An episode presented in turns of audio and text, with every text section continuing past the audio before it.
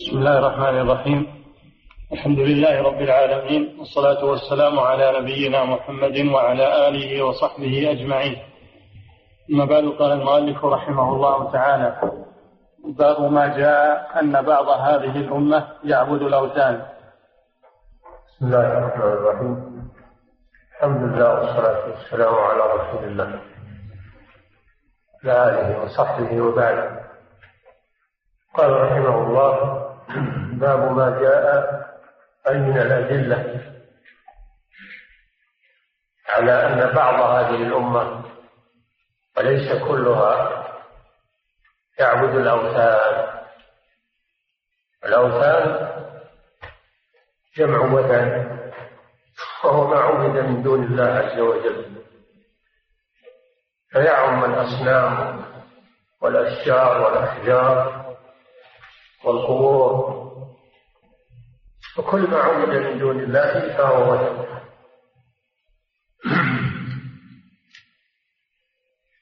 وهذا الباب أراد به الشيخ رحمه الله الرد على من زعم أن هذه الأمة لا يقع فيها شرك وأن ما يفعل عند القبور لا يكون شركا لأن هذه الأمة يقول لا يقع فيها شرك. فما يفعلونه عند القبور لا يكون شرك هذه حجة اتخذوها وهي حجة باطلة لأنه دلت الأدلة على أن هذه الأمة يقع بها الشرك كما وقع في الأمم السابقة. ولا يبقى على التوحيد إلا من ثبته الله سبحانه وتعالى. نعم. وقول الله تعالى ألم تر إلى الذين أوتوا نصيبا من الكتاب يؤمنون بالجبت والطاغوت؟ وقول الله تعالى ألم تر إلى الذين أوتوا نصيبا من الكتاب يعني اليهود والكتاب المراد به التوراة. يؤمنون بالجبت والطاغوت. سيأتي أن الجبت معناه السحر. وقيل الكاهن.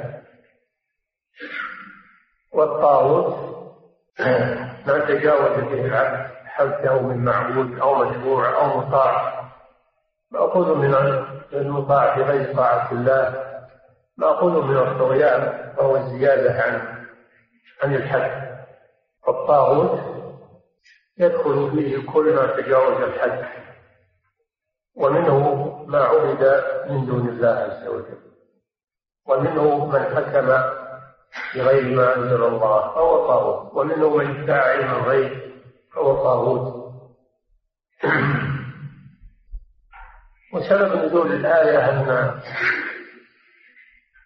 أن اثنين من زعماء اليهود وهما حيي بن أخطب وكعب بن الأشرف لما هاجر النبي صلى الله عليه وسلم إلى المدينة وظهر الإسلام في المدينة وجاءت غزوة بدر وانتصر المسلمون غاض ذلك اليهود فذهبوا إلى أهل مكة يستنجدونهم على الرسول صلى الله عليه وسلم. ذهب هؤلاء اليهود إلى المشركين في مكة يستنجدونهم على محمد. فسألهم كفار مكة. سألهم كفار مكة عن حالهم وعن حال محمد. أيهم خير؟ فقالوا وما أنتم وما محمد؟ قالوا نحن نفعل كذا ونطعم الحجيج ونسقي الحجيج ونكرم الضيفان ونعمل ونعمل. ومحمد صنبور يعني مقطوع مقطوع النسل ومقطوع صنبور جاء لا مال له جاءنا وشبه أحلامنا وعاب آلهتنا. قالوا لهم أنتم خير من محمد.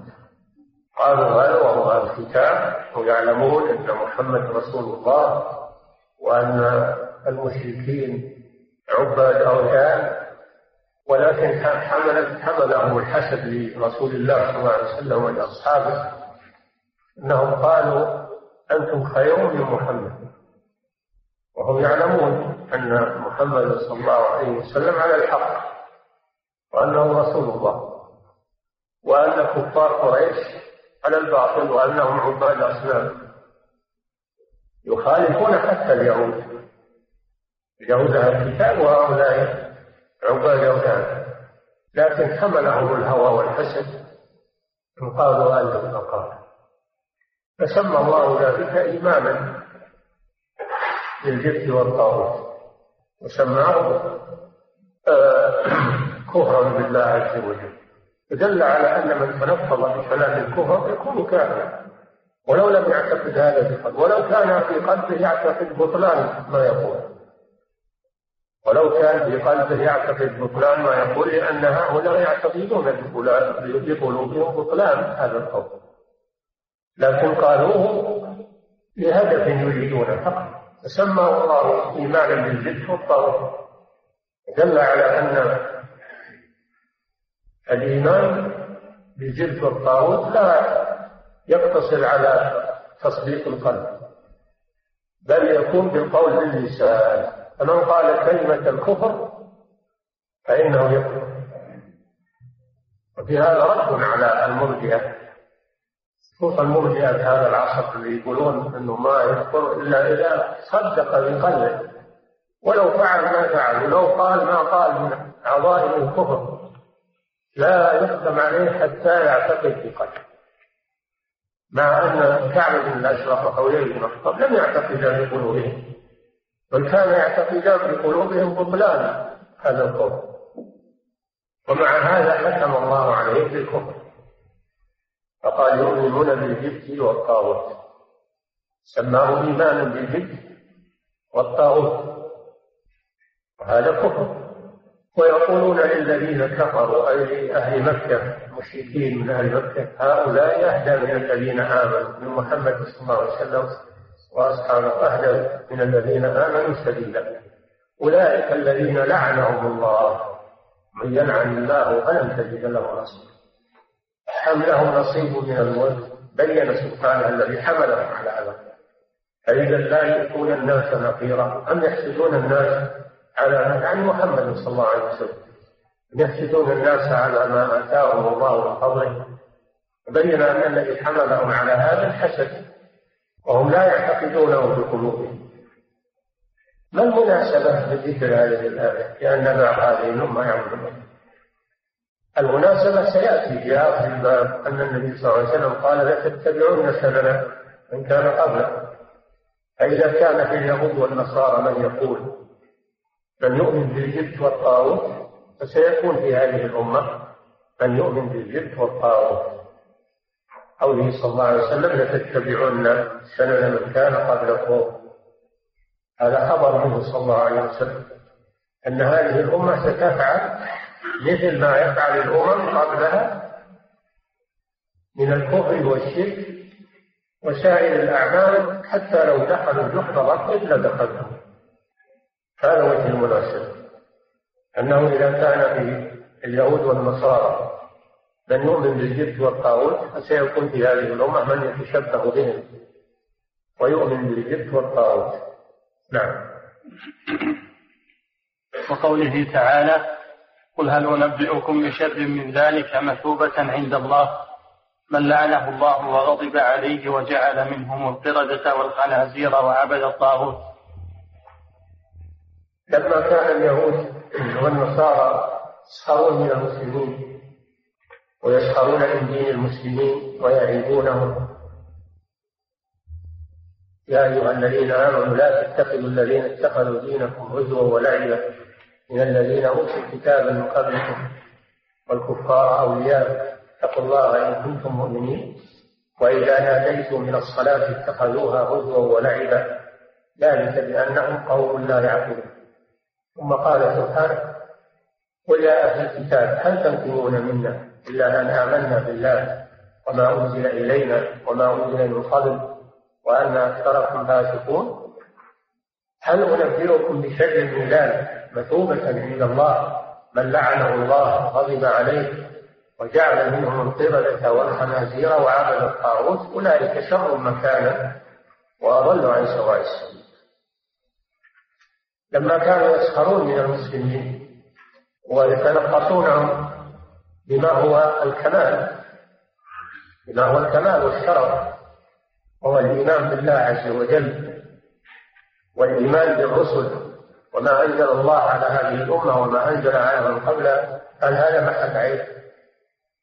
هذا هو الكمال والبدء.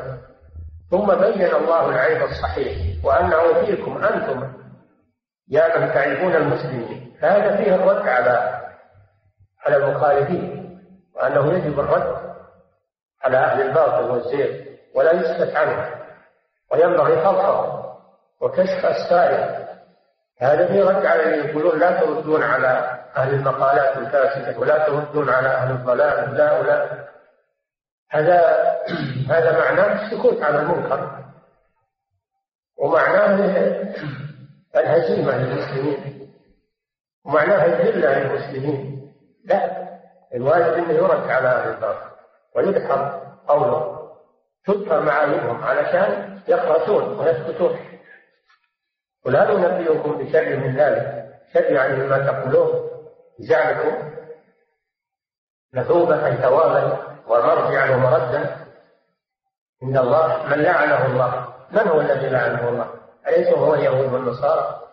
واللعن هو الطرد والإبعاد عن رحمة الله. وهذا في كتاب الله. لعن اليهود والنصارى في كتاب الله. من لعنه الله وغضب عليه. غير المغضوب عليه وهم اليهود. والمغضوب عليه هو من ترك الحق بعدما عرف. وهذا هي صفة اليهود. وجعل منهم القردة والخنازير كما أخبر الله في سورة الأعراف. أنهم لما احتالوا على صيد الحيتان يوم السبت. قد نهاهم الله عن ذلك. مسحهم الله قردة وخنازير. فلما عتوا عن ما نهوا عنه قلنا لهم كونوا قردة خاسئين. فحول الله صورهم إلى صور قردة ومسخها عقوبة لهم وجعل منهم القردة والخنازير عقوبة لهم. كما في قصة أصحاب السبت. وهذا في اليهود. هل يعينون المسلمين؟ جعل منهم القردة والخنازير وعبد الطاغوت. هذا محل الشاهد من الآية. عبد الطاغوت فعل ماض عبد فعل ماض والطاغوت مفعول. عبدوه من دون الله. والطاغوت الشيطان. عبد الشيطان من دون الله. فإذا كان في اليهود والنصارى من يعبد الطاغوت فسيكون في هذه الأمة من يعبد الطاغوت. لأن الرسول صلى الله عليه وسلم أخبر أن من هذه الأمة من يتشبه باليهود والنصارى في كل شيء وأشد ذلك وأعظمه الشرك. فكما وقع الشرك اليهود والنصارى فسيقع في هذه الأمة من باب التشبه له وقل وعبد عبد الطاغوت عبد الطاغوت عبد جمع عابد وعبد مضاف الطاغوت مضاف إليه مجرور بالإضافة على جره الكسرة والمعنى واحد أن في اليهود من عبد الطاغوت. وسيكون في هذه الأمة من يتشبه بهم كما في الحديث الآتي فيعبد الطاغوت. نعم. وقول الله تعالى قال الذين غلبوا على أمرهم لنتخذن عليهم مسجدا. هذا في قصة أصحاب الكهف. الفتية الذين ذكر الله قصتهم فتية المؤمنة التي ذكر الله قصتها وأن قومهم لما عثروا عليهم في الكهف اختلفوا في شأن. لما عثروا عليهم أمواتا اختلفوا في شأنهم. قال بعضهم ابنوا عليهم بنيانا ربهم أعلم يعني سدوا عليهم الغار وفقوهم.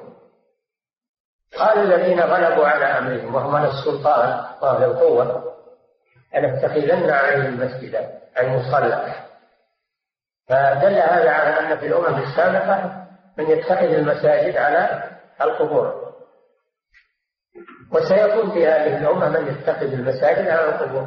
قوله صلى الله عليه وسلم لتتبعن سنن من كان قبلكم هذا الشاهد من من هذه الآية الكريمة. وقد وقع هذا. وجد في هذه الأمة من يبني المساجد على القبور ويتخذ القبور مصليات. هذا مصداق ما أخبر به صلى الله عليه وسلم. نعم. وعن أبي سعيد رضي الله عنه. أن رسول الله صلى الله عليه وسلم قال لتتبعن سنن من كان قبلكم. هذا هذا محل يعني إذا جمعت بين الآيات والحديث ظهر لك مطابقة الترجمة. وهذا من فقهه رحمه الله. هذه قاعدة أن هذه الأمة ستتشبه بالأمم السابقة. في جميع ما يفعلون. ومن ذلك الشرك. فسيكون في هذه الأمة شرك وكفر. نعم.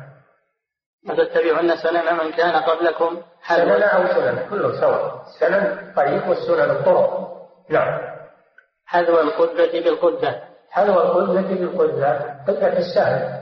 عيشة عيشة التي تكون بالسهل كانوا من قبل يرمون بالنبال كانوا من قبل سلاحهم لهم سهام يصنعونها ويدبون رأس السهم يجعلونه حادا.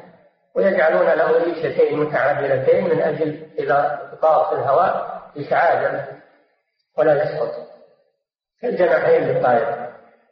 فلو اختلفت إحدى الريشتين سقط السهم فإذا تعادلتا فإنه يمضي إلى إلى الهدف. فسيكون فستساوي هذه الأمة الأمم السابقة كتساوي القدرة بالقدرة هذا وصف دقيق. وأن هذه الأمة سيكون فيها من يساوي الأمم السابقة فيما تفعل من الشرك والكفر وغير ذلك. حذو القدرة بالقدرة نعم. حتى لو دخلوا جحر ضب لدخلتموه حتى لا تتركوا من أعمالهم شيئا حتى الأعمال التي لا قيمة لها.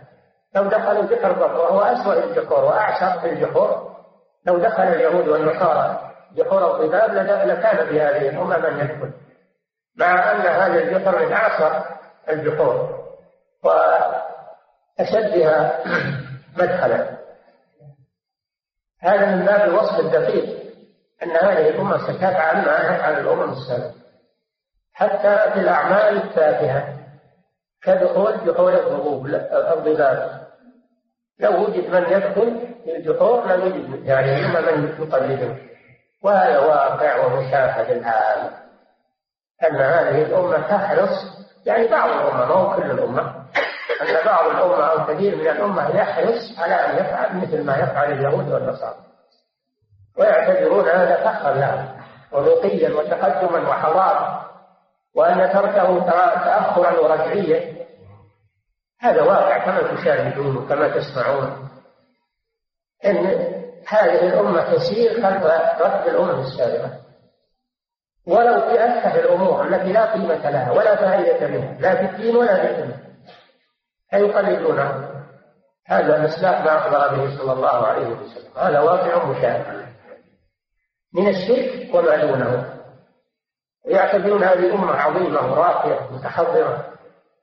وأننا إذا ما تخلفنا عن الركب يسمونه تخلف عن الركب الحضاري إذا ما فعلنا مثل أفعالهم فإننا سنتأخر لما كانت الأمم الآن تعظم الآثار تعتني بالآثار تنفق عليها الأموال صار في هذه الأمة من يعظم الآثار ويجمعها ويرتبها ويزينها. لا لشيء إلا لأن إلا لأن الكفار يعملون هذا الشيء ونحن نقلدهم مع أن ديننا ينهانا عن ذلك. ولكن لا ينظرون إلى الدين ينظرون إلى فعل الأمم السابقة. يقولون هذا حضارة تقدم ورقي وما فعلوه فهو فهو صواب وهو, وهو تقدم إلى آخره. نعم. قالوا يا رسول الله اليهود والنصارى. تعجب الصحابة. قالوا نتبع اليهود والنصارى؟ نتبع اليهود والنصارى؟ قال فمن من قوم الله إلا اليهود والنصارى؟ فمن؟ يعني من غيرهم؟ نعم. قال فمن أخرجه. نعم. ولمجأ البخاري ومسلم. حتى لا يقال هذا الحديث فهو صحيح أو هذا الحديث. أي نعم. هذا أعلى أعلى شيء في الصحة. لأنه اتفق عليه الشيخان. ومعناه واضح. والواقع يصدقه الآن. وليقول ما شاء. هذا كلام نبينا صلى الله عليه وسلم. الذي لا ينطق عن الهوى. الشاهد منه أنه أن هذه الأمة ستفعل مثل أفعال الأمم السابقة ومنها بل أعظمها وأكبرها الشرك والكفر وقد حصل هذا نعم. ولمسلم عن ثوبان أن رسول الله صلى الله عليه وسلم قال إن الله زوى لي الأرض فرأيت مشارقها ومغاربها. هذا من معجزاته صلى الله عليه وسلم. أن الله زوى له الأرض يعني جمعها له. جمعها له وأقلعه عليها فرأى أقصاها وأدناها عليه الصلاة والسلام. هذه من معجزاته عليه الصلاة والسلام. نعم. وإن, وإن أمتي سيبلغ ملكها ما زوي لي منها. هذا خبر النبي صلى الله عليه وسلم وهو معجزة. قال سيبلغ ملك أمتي ما زوي لي منها. وقد وقع ما أخبر به صلى الله عليه وسلم. فاتسع ملك أمة محمد حتى بلغ المشرق والمغرب. للفتوحات. على عهد عمر رضي الله عنه وعهد الخلفاء الراشدين ومن جاء بعدهم حتى وصلت حدود الإسلام إلى إلى الصين وإلى السند في أقصى المشرق ووصلت إلى الأندلس إلى طنجة والأندلس حدود فرنسا من المغرب. هذا ما أخبر به صلى الله عليه وسلم ووقع ما أخبر به عليه الصلاة والسلام. أما الشمال والجنوب فلم يذكر فيه شيئا. ولذلك لم تنتج الفتوحات جنوبا وشمالا. نعم. وأعطيت كنزين الله أعلم أن السكان معظم السكان أو أو كل السكان في في المشرق والمغرب. أما الجنوب والشمال فسكانها قليل. كما تعلمون الآن المناطق المتجمدة والجنوب والشمال ما فيها أحد إلا قليل. نعم. وأعطيت كنزين الأحمر والأبيض. هذا خبر آخر. أعطيت الكنزين الأحمر وهو الذهب والأبيض وهو الفضة هذا إخبار النبي صلى الله عليه وسلم أن أمته ستستولي على أموال فارس والروم. أموال فارس أموال فارس من من الفضة من الأبيض والجواهر وأموال الروم من الأحمر وهو الذهب وقد وقع ما أخبر به صلى الله عليه وسلم. فاستولى المسلمون على أموال كسرى وقيصر وأنفقوها في سبيل الله عز وجل. نعم. وإني سألت ربي لأمتي ألا يهلكها بسنة بعامة. نعم. وألا, وألا يسلط عليهم عدوا من سوى أنفسهم فيستبيح بيضتهم. وإن ربي قال يا محمد إني إذا قضيت إني إذا قضيت قضاء فإنه لا يرد. وإني أعطيتك لأمتك ألا أهلكهم بسنة بعامة وألا أسلط عليهم عدوا من سوى أنفسهم فيستبيح بيضتهم ولو اجتمع عليهم من بأقطارها حتى يكون بعضهم يهلك بعضا ويسبي بعضهم بعضا. ورواه البرقاني في صحيحه وزاد وإنما حديث رواه أبو داود في سنن وغيره. وفيه بشارة وفيه إنذار. فيه بشارة وفيه إنذار. فيه أن الرسول صلى الله عليه وسلم دعا ربه أن لا يهلك أمته بسنة بعامة. قيل الباب زائدة والأصل سنة عامة ولا زائدة وهي ساقطة في بعض الروايات. في بعض الروايات هكذا. بسنة عامة بدون باء ومعنى السنة الجد والقحط قال تعالى ولقد أخذنا آل فرعون بالسنين. هذه بالجد المتوالي القحط المتوالي. قال صلى الله عليه وسلم لما دعا على قريش اللهم اجعلها عليهم سنين كسنين يوسف أو أشد. دعا عليهم بالجد والقحط الرسول دعا ربه أن لا يهلك الأمة بجند عام على جميع المسلمين فليكون الجند في بعض البلاد دون بعض. لأن هذا أخف. هذا أخف من كون الجد يعم بلاد المسلمين كلها فتهلك أموالهم ومواشيهم. وألا يسلط عليهم عدوا من سوى أنفسهم يعني من الكفار. ألا يسلط الله عليهم؟ الكفار. فيستبيح غيرتهم أي حوزتهم وقوتهم وجماعتهم وبلادهم. فقال الله سبحانه وتعالى يا محمد هذا فيه إثبات الكلام لله عز وجل.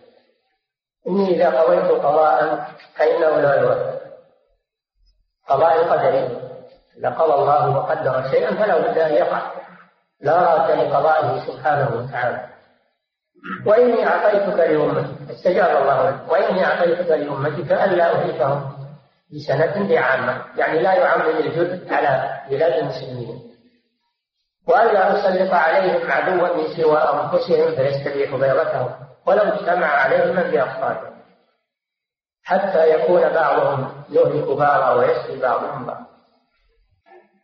يعني ما دام المسلمين المسلمون مجتمعون على كلمة واحدة وعلى جماعة واحدة فلن يستطيع أحد من أهل الأرض أن يتسلط عليهم.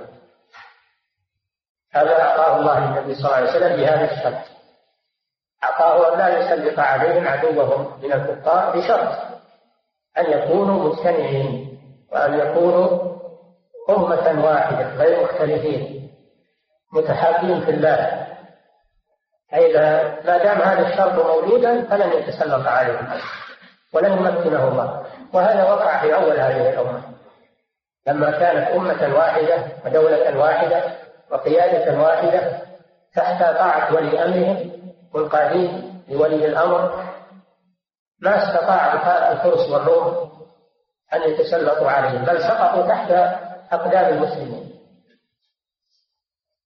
أما إذا اختل هذا الشرط فصار المسلمون يتناحرون بينهم. وقع بينهم الخلاف والتفرق وصار بعضهم يقتل بعضا ويسبي بعضهم بعضا فإن الله يسلط عليهم العدو. وهذا وقع كما أخبر به صلى الله عليه وسلم.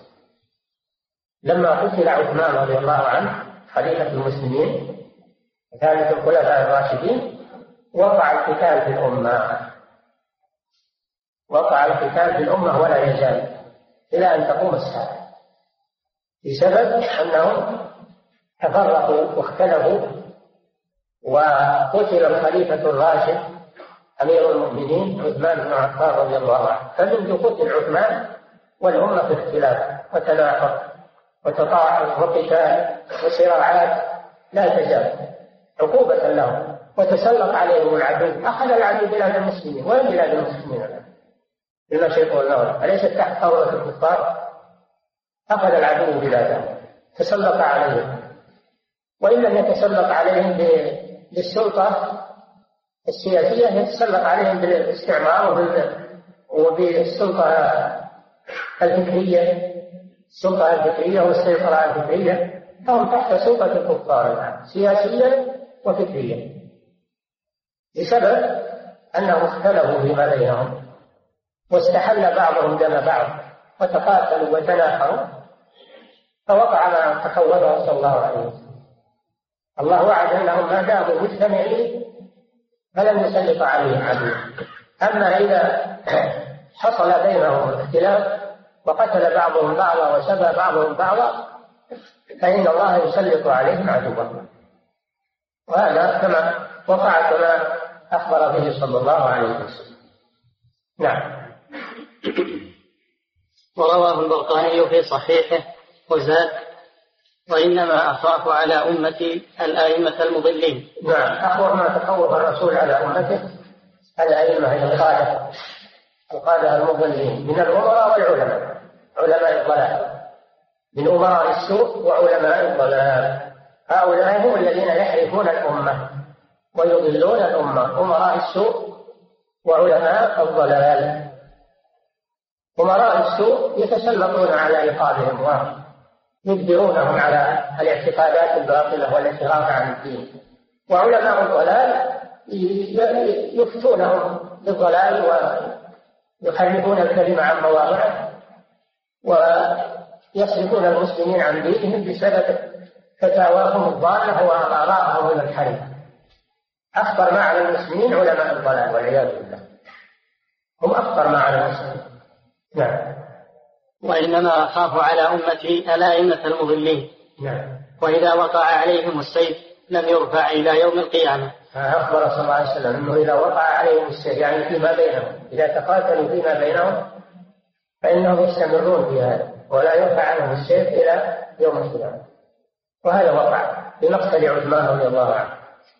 لما قتل وقع السيف في الأمة ولا يزالون يتقاتلون ويتناحرون إلى أن تقوم الساعة. نعم. ولا تقوم الساعة حتى يلحق حي من أمتي بالمشركين.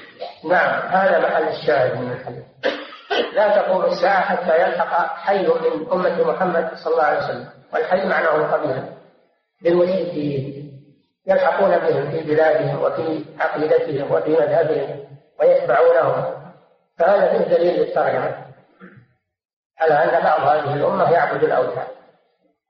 يلحقون بالمشركين فيعبدون الأوثان مثلهم. نعم. وحتى تعبد فئام من أمة الأوثان. وحتى هذا صريح. حتى تعبد فئام أي جماعات كثيرة من هذه الأمة يعني وليست قليلة كثيرة. تعبد الأوثان. والأوثان يشمل كل ما عبد من دون الله. يدخل فيها القبور. والآن كما ترون عبادة القبور. على أشدها في الأمصار في البلاد الممتدة. والمسجد اللي ما فيه ضريح ما ما له قيمة عندهم إنما يتزاحمون على المسجد الذي فيه ضريح هذا مصداق ما أخبر به صلى الله عليه وسلم. حتى تعبد فئام لم يحددها فئام كثيرة جماعات كثيرة من أمة الأوثان. ومنها عبادة القبور والأشجار والأحجار والأضرحة وكل ما عبد من دون الله عز وجل. نعم. وإنه سيكون في أمتي كذابون ثلاثون. هذا خبر آخر. معناه التحذير. خبر معناه النهي التحذير. أنه سيظهر في هذه الأمة من يدعي النبوة. يظهر في هذه الأمة من يدعي النبوة. وعددهم ثلاثون. ثلاثون كذابا كلهم يدعي أنه نبي. ولا نبي بعد محمد صلى الله عليه وسلم. لأنه خاتم النبيين يعني فلا تصدقوهم واحذروهم ولا تتبعوهم وأول من ظهر مسلمة الكذاب في عهد النبي صلى الله عليه وسلم والأسود العنسي في اليمن. وقتل قتل الأسود العنسي في حياة النبي صلى الله عليه وسلم. وقتل مسيلمة الكذاب بعد وفاة النبي صلى الله عليه وسلم في عهد أبي بكر رضي الله عنه. في عهد أبي بكر في وقعة اليمامة. المختار بن أبي عبيد الثقفي ادعى النبوة في أواخر عهد الصحابة وتتابع المتنبئون الثلاثة منهم سجاح تميمية امرأة و لكنها أسلمت تابت سجاح تابت تابت إلى الله عز وجل ورجعت إلى الإسلام. وطليحة الأسدي ادعى النبوة ثم تاب إلى الله وجاهد في سبيل الله واستشهد في إحدى المعارك. فسجاه وطليحة تاب إلى الله ورجع. فالحاصل إنه وقع مصداق ما أخبر به صلى الله عليه وسلم. ظهر من يدعي النبوة. والنبي صلى الله عليه وسلم قال ثلاثون وإذا عددت يعني كبارهم والمشهورين منهم والذين صار لهم اتباع بلغوا هذا العدد. نعم. كذابون ثلاثون كلهم يزعم أنه نبي وأنا خاتم النبيين لا نبي بعدي. في هذا الزمان ادعى النبوة ادعى النبوة القادياني أحمد غلام القادياني في باكستان وتبعه طوائف يسمون بالقاديانية. لهم نشاط لهم نشاط الآن في يصولون ويدورون في المشارق والمغارب لهم أتباع ويدعون إلى إلى اتباع أحمد القادياني تصديقا. يبنون مساجد وينشئون مدارس. والظاهرة تمولهم دول الكفر. لأن دول الكفر تمول هذه الطوائف في قلب الإسلام وللقضاء على الإسلام. فهي تمولهم بالأموال وتشجعهم على هذا الشيء. ولكن بحمد الله المسلمون حاصروهم و وحذروا منهم. وأصدر رابطة العالم الإسلامي للمسلمين أصدرت قرارا بكفر القاديانية وإبعادهم عن بلاد المسلمين وعدم تمكينهم من دخول بلاد المسلمين. نعم. ولا تزال طائفة من أمتي على الحق منصورة. لا يضرهم من خذلهم حتى هذه بشارة أيضا. هذه بشارة. لا تزال مع هذه مع هذه الأمور العظيمة المروعة والحوادث المروعة التي أخبر عنها صلى الله عليه وسلم فإن الحق سيبقى وسيبقى عليه جماعة من أمة محمد صلى الله عليه وسلم لا تضرهم هذه الأهوال وهذه الزعازع وهذه الحوادث لا تزال طائفة من أمتي جماعة الطائفة الجماعة على الحق ظاهرين لا يضرهم من خذلهم. طائفة على الحق منصورة لا يضرهم من خذلهم حتى يأتي أمر الله تبارك وتعالى.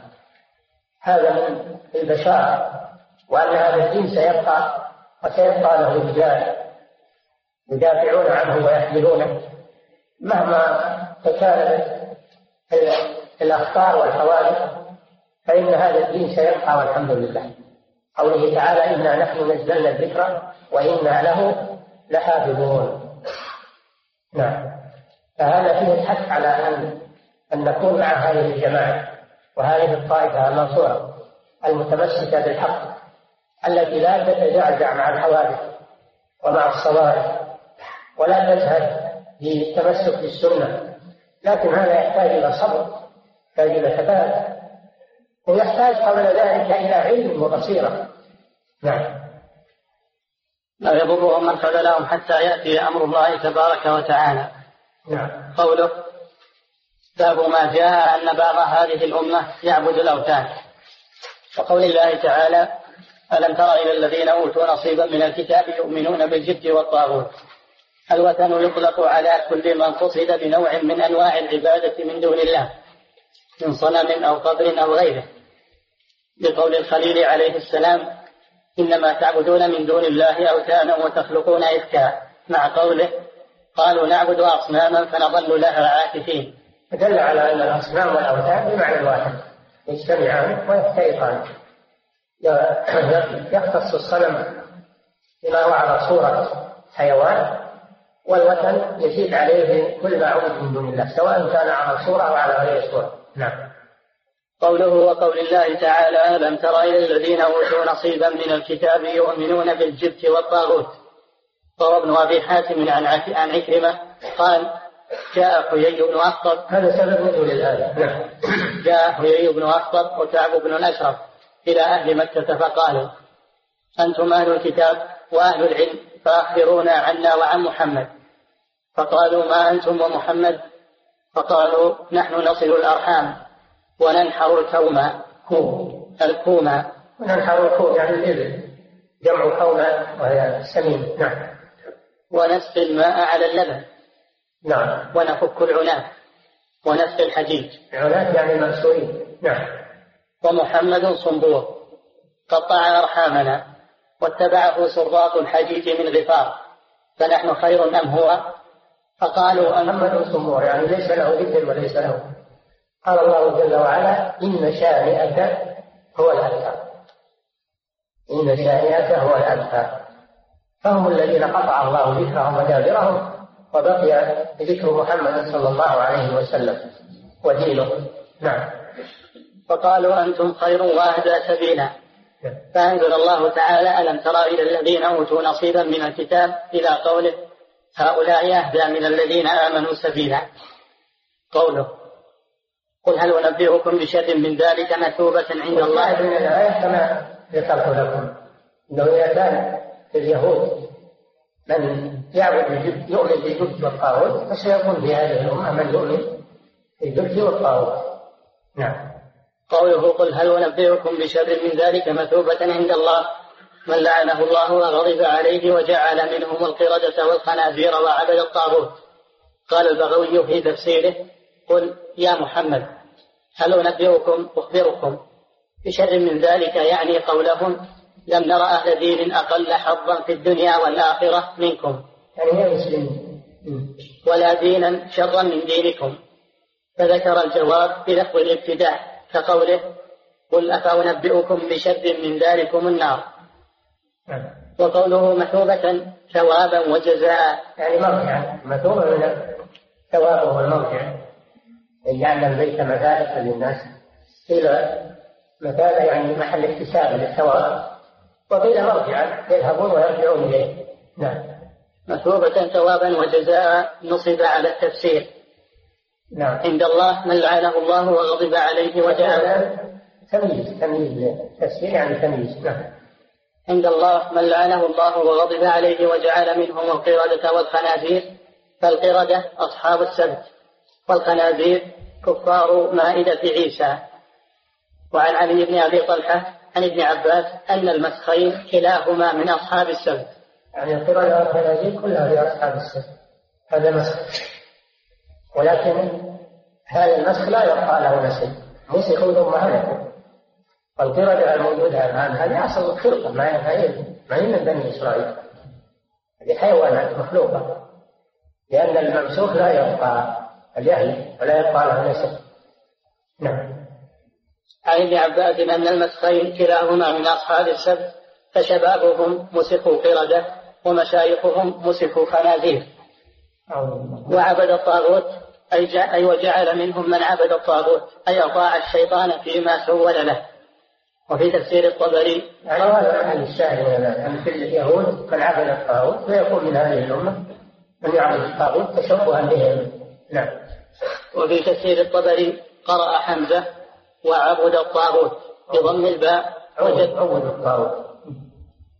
نعم. قرأ حمزة وعبد الطاغوت. يعني جمع عابد. ومضاف طاغوتي نعم. بضم الباء وجد التاء. وقرأ حمزة وعبد الطاغوت. نعم. وقرأ حمزة وعبد الطاغوت بضم الباء وجر التاء. وقرأ ابن عباس ومسعود.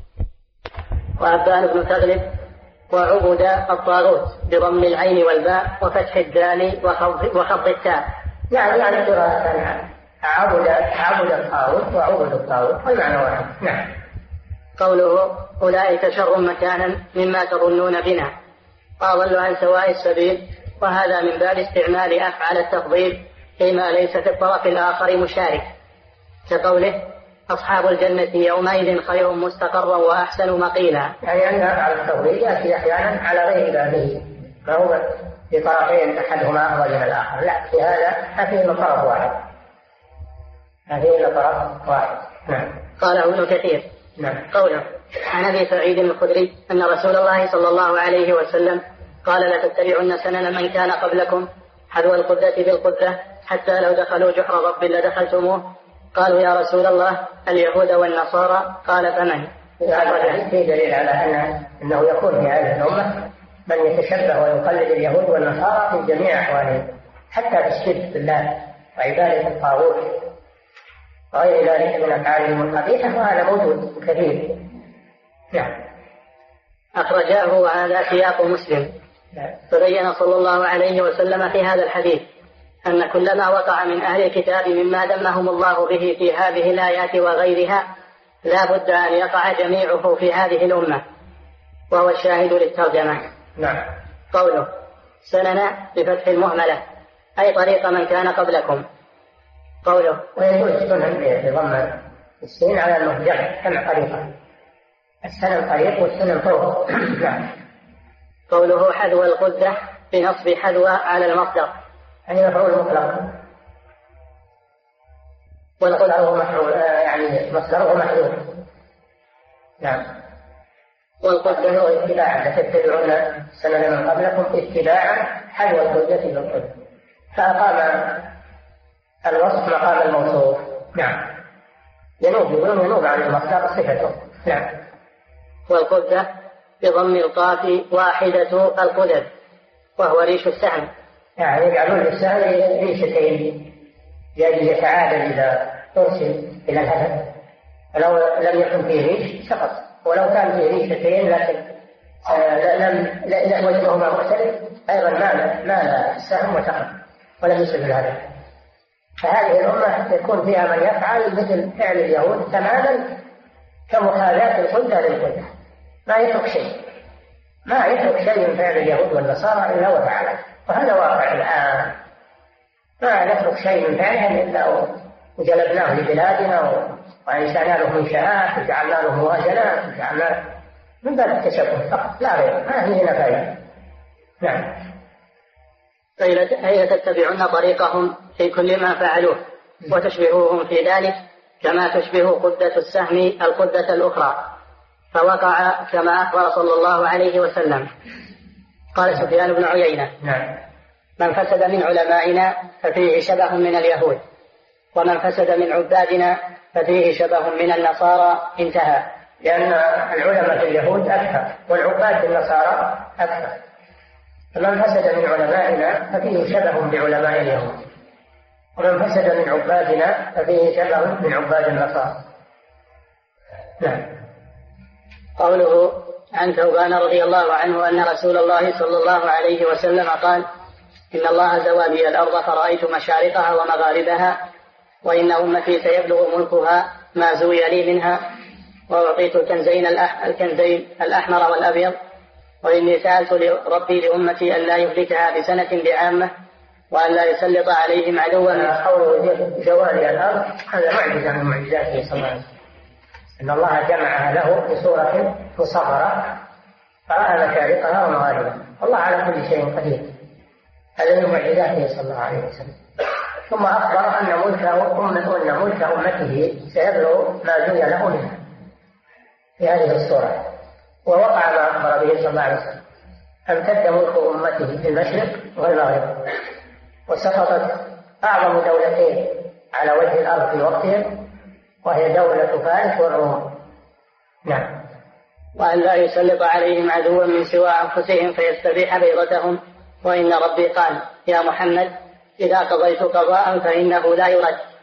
وإني أعطيتك لأمتك أن لا أهلكها بسنة بعامة. وأن لا أسلط عليهم عدوا من سوى أنفسهم فيستبيح بيضتهم. ولو اجتمع عليهم من بأقطارها. هذا إخبار النبي صلى الله عليه وسلم أنه متى اجتمعت هذه الأمة؟ أمة واحدة وجماعة واحدة على الحق كما اجتمع المسلمون في عهد النبي صلى الله عليه وسلم وعهد الخلفاء الراشدين. فلن يستطيع أهل الأرض أن يأخذوا شيئا من بلاد المسلمين. ولن يستطيعوا أيضا أن يدخلوا على المسلمين أفكارهم ومعتقداتهم. بل بالعكس يكون للمسلمين الغلبة والسلطة عليهم كما حصل. وأنه إذا حصل في هذه الأمة اختلاف فإنه سيتسلط عليهم عدوهم. وهذا وقع أول ما وقع الاختلاف على عثمان رضي الله عنه وقتله. فلما قتلوا الخليفة وقع السيف فيهم ولا يوقع إلى يوم القيامة. نعم. حتى يكون بعضهم يهلك بعضا ويسفي بعضهم بعضا. ورواه البرقاني في صحيحه وزاد وإنما أخاف على أمتي الأئمة المضلين. وهذا أيضا فيه أن المسلمين إذا اجتمعوا تحت قيادة فيجب عليهم الاجتماع والاتفاق وطاعة ولي الأمر فإن هذا مما يدفع عنهم العدو. وأنهم إذا اختلفوا وخرجوا على ولي الأمر فإن العدو سيتسلط عليهم هذا مستمر في هذه الأمة. ومشاهد نعم. وإنما أخاف على أمتي الأئمة المضلين وإذا وقع عليهم السيف لم يرفع إلى يوم القيامة ولا تقوم الساعة حتى يلحق حي من أمتي بالمشركين وحتى تعبد فئام من أمة الأوثان وإنه سيكون في أمتي كذابون ثلاثون كلهم يزعم أنه نبي وأنا خاتم النبيين لا نبي بعدي. نعم. فمن ادعى النبوة بعده صلى الله عليه وسلم فهو كذاب. يجب تكذيبه ومن صدقه فهو كافر من لم يؤمن بختم النبوة وادعى أن أنها لم تختم وأنه يأتي بعده نبي فهذا كافر بالله عز وجل. لأن الله جل وعلا يقول ما كان محمد أبا أحد من رجالكم ولكن رسول الله وخاتم النبيين. هذا في القرآن. وفي السنة أنا خاتم النبيين. لا نبي بعد وهذا بإجماع المسلمين أنه لا نبي بعد الرسول صلى الله عليه وسلم. فمن ادعى النبوة بعده فهو كذاب ومن صدقه فهو كافر. نعم. ولا تزال طائفة من أمتي على الحق منصورة. لا يضرهم من خذلهم حتى يأتي أمر الله تبارك وتعالى. منصورة. هذا فيه رد على من ظهر برأيه يقول إن الطائفة المنصورة غير الفرقة الناجية. يقول لا الفرقة الناجية هي الطائفة المنصورة. فلا تكون منصورة إلا إذا كانت ناجية ولا تكون ناجية إلا إذا كانت منصورة. فمن فرق بينهما هذا خطأ وضلال نعم. هذا الحديث رواه أبو داود في سننه. نعم. وابن ماجه في الزيادة التي ذكرها المصنف رحمه الله. قوله عن ثوبان هو مولى النبي صلى الله عليه وسلم. ولازمه ونزل بعده الشام ومات بحمص سنة أربع وخمسين. نعم. قوله. مولى النبي صلى الله عليه وسلم يعني عتيق.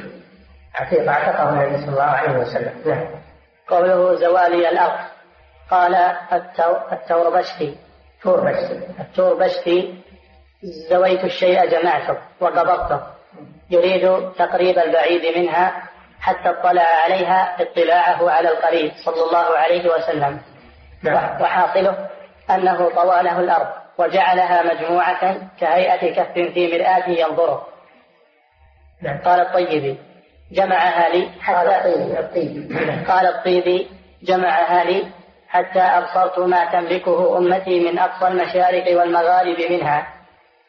قوله وإن أمتي سيبلغ ملكها ما زوي لي منها. قال القرطبي هذا الخبر وجده مخبره كما قال. نعم.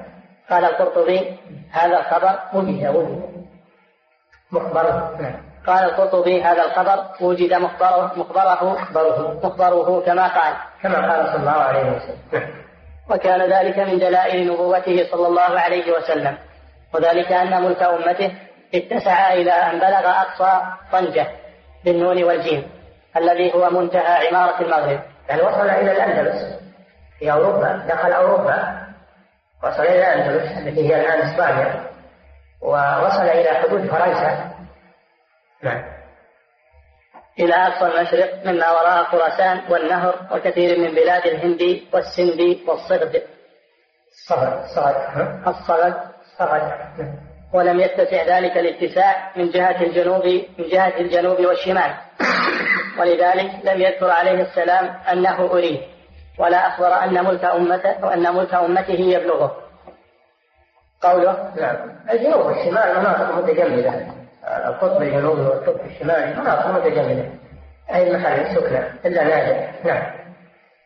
قوله زوي لي منها يحتمل أن يكون مبنيا للفاعل وأن يكون مبنيا للمفعول. مع زوالي يعني الله نعم.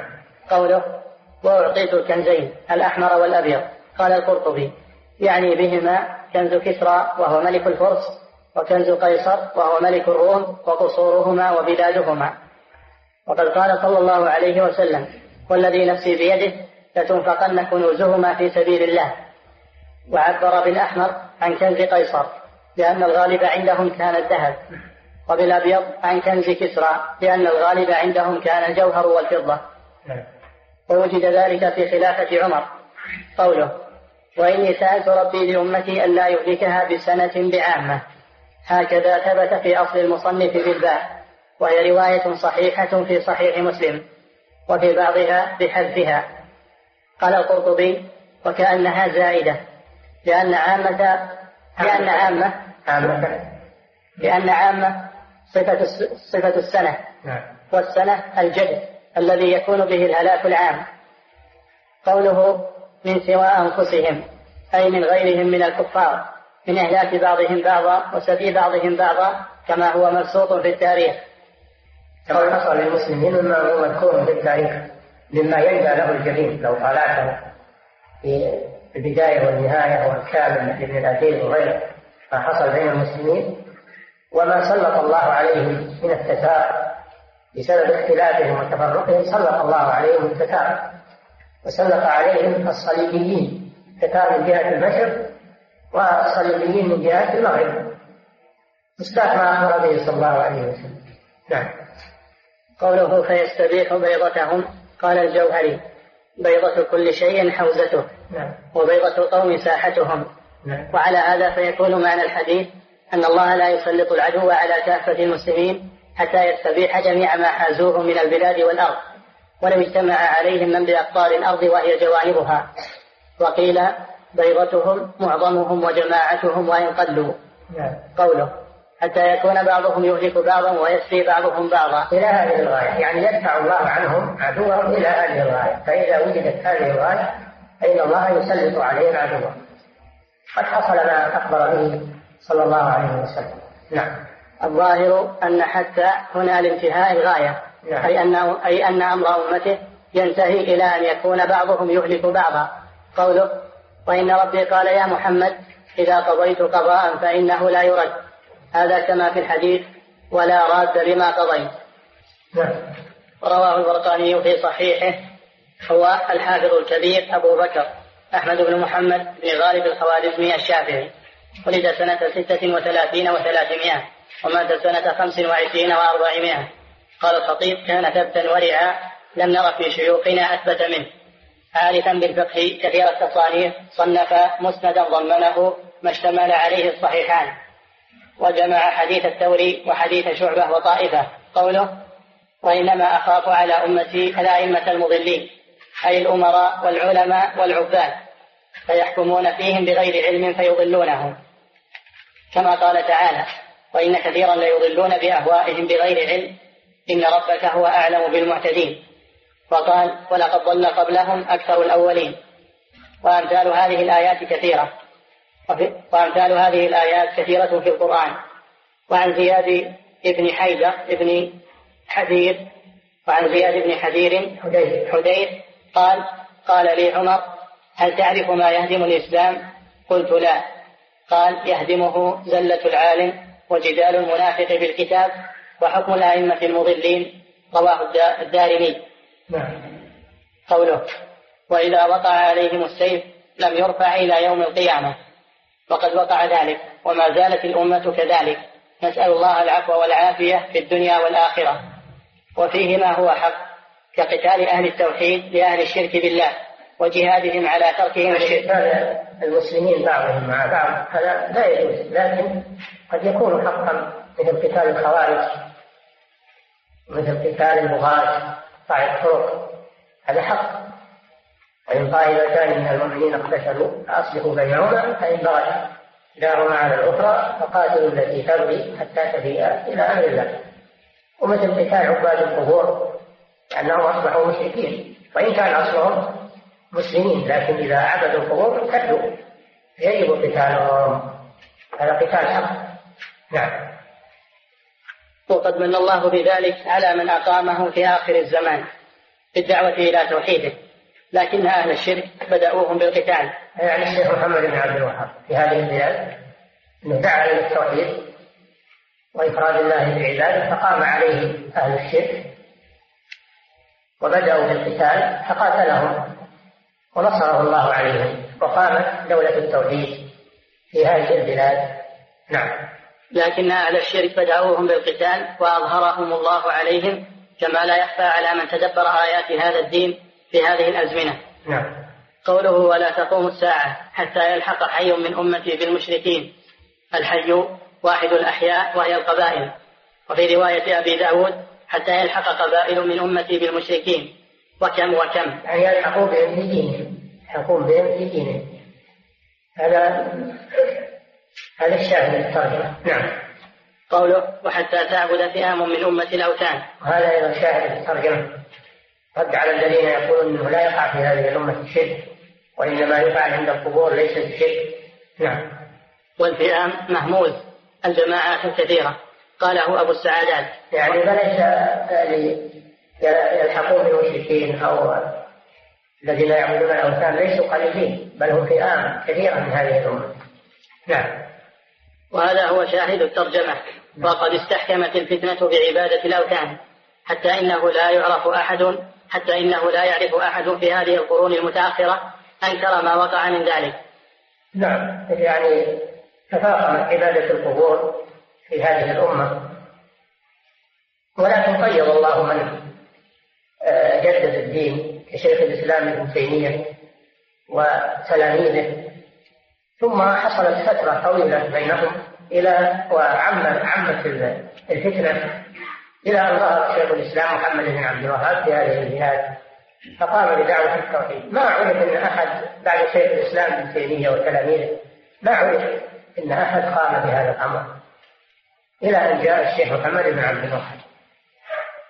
إن كان هناك دعاة إلى الله أو شيء لكنه قليل محصور لكن دعوة الجهاد دعوة هذه ما حصلت إلا على يد الشيخ محمد بن عبد الوهاب. نعم. حتى استحكمت فقد استحكمت الفتنة بعبادة الأوثان حتى إنه لا يعرف أحد في الأوثان يعني القبور. الأوثان يعني القبور. نعم. حتى إنه لا يعرف أحد في هذه القرون المتأخرة أنكر ما وقع من ذلك حتى أقام الله شيخ الإسلام. مع وجود العلماء في القرون التي بين الشيخ شيخ الإسلام وبين الشيخ محمد بن عبد الوهاب. بينهم قرون. والشرك موجود. ولا ذكر في التاريخ أن أحد أنكر أنكر هذا الأمر مع وجود العلماء لكنهم ساكتون. علماء ساكتون لا ينكرون. نعم. حتى أقام الله شيخ الإسلام محمد بن عبد الوهاب رحمه الله تعالى الذي أنكره ونهى عنه ودعا الناس إلى تركه وإلى أن يعبدوا الله تعالى وحده لا شريك له في ربوبيته وإلهيته وأسمائه وصفاته. فرماه الملوك وأتباعهم بقوس العداوة. رموا الشيخ بقوس العداوة الملوك الذين خافوا على ملكهم وعلماء الضلال كلهم تكالبوا على دعوة الشيخ. ولكن الله نصره عليهم ودحض باطله نتيجة للصدق والإخلاص. نتيجة للصدق والإخلاص والصبر والثبات. في هذه الأمور يحصل النصر. نعم. فرماه الملوك وأتباعهم بقوس العداوة فأظهره الله بالحجة وأعز أنصاره على من ناوؤوه وبلغت دعوته مشارق الأرض ومغاربها. الآن ولله الحمد اهتدى بسبب هذه الدعوة أناس خارج المملكة المشرق والمغرب امتدت آثارها ولله الحمد لأنها حق ونور ينفع مثل المطر ما أينما حل من الأرض ينفع فاهتدى بها ناس في الهند وفي مصر وفي المغرب وفي أفريقيا اهتدى بسببها اناس كثير. نعم. وبلغت دعوته مشارق الأرض ومغاربها ولكن من الناس من عرف ومنهم من أنكر. نعم. فانتفع بدعوته الكثير من أهل نجد والحجاز وعمان وغيرهم. فلله الحمد على هذه النعمة العظيمة جعلنا الله لها شاكرين ذاكرين. قوله. وإنه سيكون في أمتي كذابون ثلاثون كلهم يزعم أنه نبي. قال القرطبي قد جاء عددهم معينا في حديث حذيفة. قال قال رسول الله صلى الله عليه وسلم يكون في أمتي كذابون دجالون سبع وعشرون منهم دجالون سبع وعشرون منهم منهم أربع نسوة. أخرجه أبو نعيم وقال هذا حديث غريب وحديث ثوبان أصح من هذا. نعم. قال القاضي عياض عد من تنبأ عد من تنبأ من زمن رسول الله صلى الله عليه وسلم إلى الآن ممن اشتهر بذلك وعرف واتبعه جماعة على ضلالته فوجدت هذا فوجد هذا العدد فيهم. نعم. ومن طالع كتب الأخبار والتاريخ عرف صحة هذا وآخرهم الدجال الأكبر. قوله المسيح الدجال نعم. قوله الدجال يدعي أنه هو الله أنه هو الرب. نعم. قوله أنا خاتم النبيين لا نبي بعدي. قال الحسن الخاتم الذي ختم به يعني أنه آخر النبيين. كما قال تعالى ما كان محمد أبا أحد من رجالكم ولكن رسول الله وخاتم النبيين. وإنما ينزل عيسى عليه السلام في آخر إنما يكون بعد النبي صلى الله عليه وسلم مجددون. يكون بعد النبي صلى الله عليه وسلم مجددون من علماء هذه الأمة. يظهرون يجددون هذا الدين إذا حصل فيه اندراس يظهر الله المجددين كالمشايخ المعروفين بالتجديد. هذا من رحمة الله سبحانه وتعالى. ومن المجددين المسيح عيسى بن مريم عليه الصلاة والسلام حين ينزل في آخر الزمان. فإنه يجدد دين محمد صلى الله عليه وسلم ويحكم بشريعته. نعم. وإنما ينزل عيسى عليه السلام في آخر الزمان حاكما بشريعة محمد صلى الله عليه وسلم. فهو مجدد من المجددين. نعم. مصليا إلى قبلته. إلى الكعبة. نعم. فهو كأحد أمته. كأحد أمة محمد صلى الله عليه وسلم. تابع محمد ويكون مجددا لدين محمد. نعم. بل هو أفضل هذه الأمة. نعم. قوله ولا تزال طائفة من أمتي على الحق منصورة. لا يضرهم من من خذلهم ولا من خالفهم. قال النووي يجوز أن تكون الطائفة يجوز أن تكون المسيح أفضل هذه الأمة يعني. أما الصديق فهو أفضل الصحابة أفضل الصحابة. نعم. قال النووي يجوز أن تكون الطائفة جماعة متعددة من أنواع المؤمنين ما بين شجاع وبصير بالحرب وفقيه ومحدث ومفسر وقائم بالأمر بالمعروف والنهي عن المنكر. المجددون كل في تخصصه كل في تخصصه كل منهم المفسر ومنهم المحدث ومنهم الفقيه ومنهم عالم العقيدة هذا هو القمة عالم العقيدة يجدد العقيدة. ومنهم اللغوي والنحوي. كلهم يتعاونون في تخصصاتهم ويجددون هذا الدين. كلهم في تخصصهم نعم. وقائل فيهم الأمراء. الأمراء أيضا يكونون مجددين إذا قاموا بنصر هذا الدين وتحكيم الشريعة والقيام عليها صاروا مجددين من الأمراء. نعم. وقائم بالأمر بالمعروف والنهي عن المنكر وزاهد وعابد نعم. ولا يلزم أن يكونوا مجتمعين في بلد واحد بل يجوز اجتماعهم في قطر واحد وافتراقهم في أقطار الأرض. ويجوز أن يجتمعوا في بلد واحد. وكل مجدد ولو كان في أقصى الأرض ينفع الله به بقية المسلمين. يصل يعني تجديده إلى إلى المسلمين في أي مكان. نعم. ويجوز أن يجتمعوا في بلد واحد وأن يكونوا في بعض دون بعض منه. ويجوز إخلاء الأرض منهم أولا فأول إلى أن لا يبقى إلا فرقة واحدة في بلد واحد. فإن انقرضوا فإذا انقرضوا جاء أمر الله. نعم. انتهى ملخصا مع زيادة فيه. قال قاله الحافظ. نعم. قال المصنف وفيه الآية العظيمة أنهم مع قلتهم لا المصنف يعني الشيخ محمد. نعم. الكتاب. نعم. وفيه الآية العظيمة أنهم مع قلتهم لا يضرهم من خذلهم ولا من خالفهم. طائفة. طائفة يعني قد تكون قليلة. حتى قالوا قد يكون الطائفة واحد. ومع هذا لا يضرهم من خذلهم مع قلتهم. نعم. لأنهم على الحق وخصومهم على الباطل والباطل لا يغلب الحق. قال تعالى بل يغلب بالحق على الباطل فيدمغه فإذا هو زاهد وقال سبحانه وقل جاء الحق وزهق الباطل إن الباطل كان زهوقا. نعم. قوله وفي الآية العظيمة أنهم مع قلتهم لا يضرهم من خذلهم ولا من خالفهم والبشارة بأن الحق لا يزول بالكلية.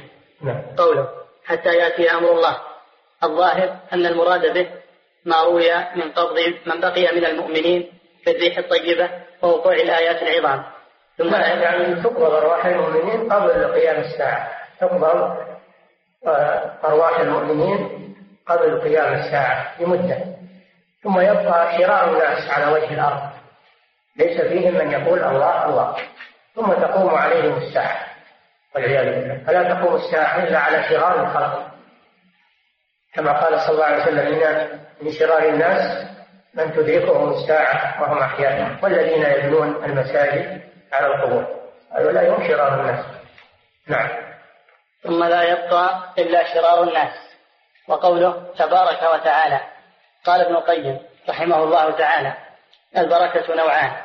إحداهما البركة هي النمى هي النمى والثبات. البركة هي النمى والثبات والخير. نعم. البركة نوعان إحداهما بركة هي فعله والفعل منها بارك. آه بركة هي فعل الرب سبحانه وتعالى والفعل منها بارك. الذي يبارك هو الله سبحانه وتعالى. وأما المخلوق فيقال له مبارك مبارك اسم مفعول. نعم. والفعل منها بارك ويتعدى بنفسه تارة وبأداة على تارة. وبأداة قال باركه وبارك عليه. باركه هذا تعدى بنفسه. وبارك عليه هذا تعدى بحرف الجر. نعم. وبأداة في تارة. بارك فيه. تقول بارك الله فيك. يعدى بفي ويعدى بعلى. نعم. والمفعول منها مبارك. وجعلني مباركا أينما كنت. نعم. وهو ما جعل كذلك فكان مباركا بجعله تعالى. والنوع الثاني بركة تضاف إليه إضافة الرحمة والعزة والفعل منها تبارك. نعم. ولهذا لا يقال لا يقال لغيره ذلك. لا يقال تبارك علينا يا فلان تبارك. هذا ما يجوز. لأن هذا الفعل خاص بالله هو الذي تبارك سبحانه وتعالى. نعم. ولا يصح إلا له عز وجل فهو سبحانه المتبارك وعبده ورسوله المبارك. نعم. وأما صفة تبارك فمختصة به كما أطلقها على نفسه في قوله تبارك تبارك الله رب العالمين تبارك الذي بيده الملك وهو على كل شيء قدير. أفلا تراها كيف اضطردت في القرآن جارية عليه مختصة به لا تطلق على غيره. فلا يقال تبارك فلان فلان تبارك. وإنما يقال فلان مبارك بالميم مبارك مفعول. ولا تقول تبارك عليه فلان. نعم. وجاءت على بناء السعة والمبالغة فتعالى وتعاظم ونحوهما. فجاء بناء تبارك على بناء تعالى الذي هو دال على كمال العلو ونهايته. فكذلك تبارك دال على كمال بركته وعظمته وسعتها. وهذا معنى قول من قال من السلف تبارك تعاظم. وقال ابن عباس جاء بكل بركة. نعم. يقول فضيلة الشيخ وفقكم الله. كثير من الناس اليوم يحملهم الحسد على عدم قبول الحق والعمل على عدم قبول الحق والعمل بالكتاب والسنة واتباع أهوائهم. هل يكون مثل اليهود الذين ردوا الحق تبعا لأهوائهم؟ نعم في تشبه باليهود. من فعل هذا فهو متشبه باليهود. نعم. أقول فضيلة الشيخ وفقكم الله ذكرتم حفظكم الله في الآية قل هل أنبئكم بشر الآية أن فيها ردا أن فيها ردا على المخالفين. ولكن هناك من يقول يجب ذكر حسنات المخالفين مقابل الرد عليهم. والله ما وجدنا في الآيات ذكر حسنات اليهود ولا للنصارى. ولا هم غرضنا تعداد الحسنات. غرضنا رد الباطل فقط. أما الحسنات إن كان حسنات فهي عند الله سبحانه وتعالى. فإحنا بنوازن ونحاسب الإنسان على حسناته وسيئاته إحنا غرضنا شيء واحد وهو رد الباطل فقط. وفي هذه الآيات ما ذكر الله لليهود حسنات. ذكر قبائل. نعم. يقول فضيلة الشيخ وفقكم الله. تكلمتم حفظكم الله عن ظهور ظاهرة ولا ولا في ولا في ردود العلماء من عهد السلف الصالح إلى الآن. ما فيها أنهم يذكرون حسنات المردود عليه. إنما فيها أنهم يردون أخطاءه وما وقع منه وما صدر منه. نعم. فضيلة الشيخ وفقكم الله قول النبي صلى الله عليه وسلم سيكون في أمتي ثلاثون كذابون. هل هذا العدد للحصر أو للدلالة على الكثرة فقط؟ الله أعلم أنه للحصر لأن هؤلاء أشهرهم اللي يدعوا النبوة ولا تبعهم أحد؟ أو آه، وهم جنون. يعني في ناس مجانين عقلهم مقبول. يدعون النبوة ما هو عن عن قصد وإنما هو عن تخدير هذا ما ما له قيمة ولا ولا يعدون ولا يحسبون نعم. يقول فضيلة الشيخ وفقكم الله. هل يصح أن تقول لمن أحسن إليك هذا من بركاتك؟ بركات الله ثم بركات ما بركات الله ثم بركات. لا تقول من بركات فقط. نعم. يقول فضيلة الشيخ وفقكم الله تكلمتم عن ظهور ظاهرة الإرجاء. نعم. وقد سمعنا أن اللجنة الدائمة قد تراجعت عن نقدها لكتاب الحلبي وشكري وأن الحلبي قد قام بزيارة اللجنة وأبان أن الخطأ في هذه الفتوى فهل هذا صحيح؟ هذا كذب كله. اللجنة ما تراجعت ولا تراجع إن شاء الله عن الحق وبيان الباطل ولا زار اللجنة أحد ولو زارها ثم مات إذا زار. اللجنة ما تتراجع عن الحق أبدا.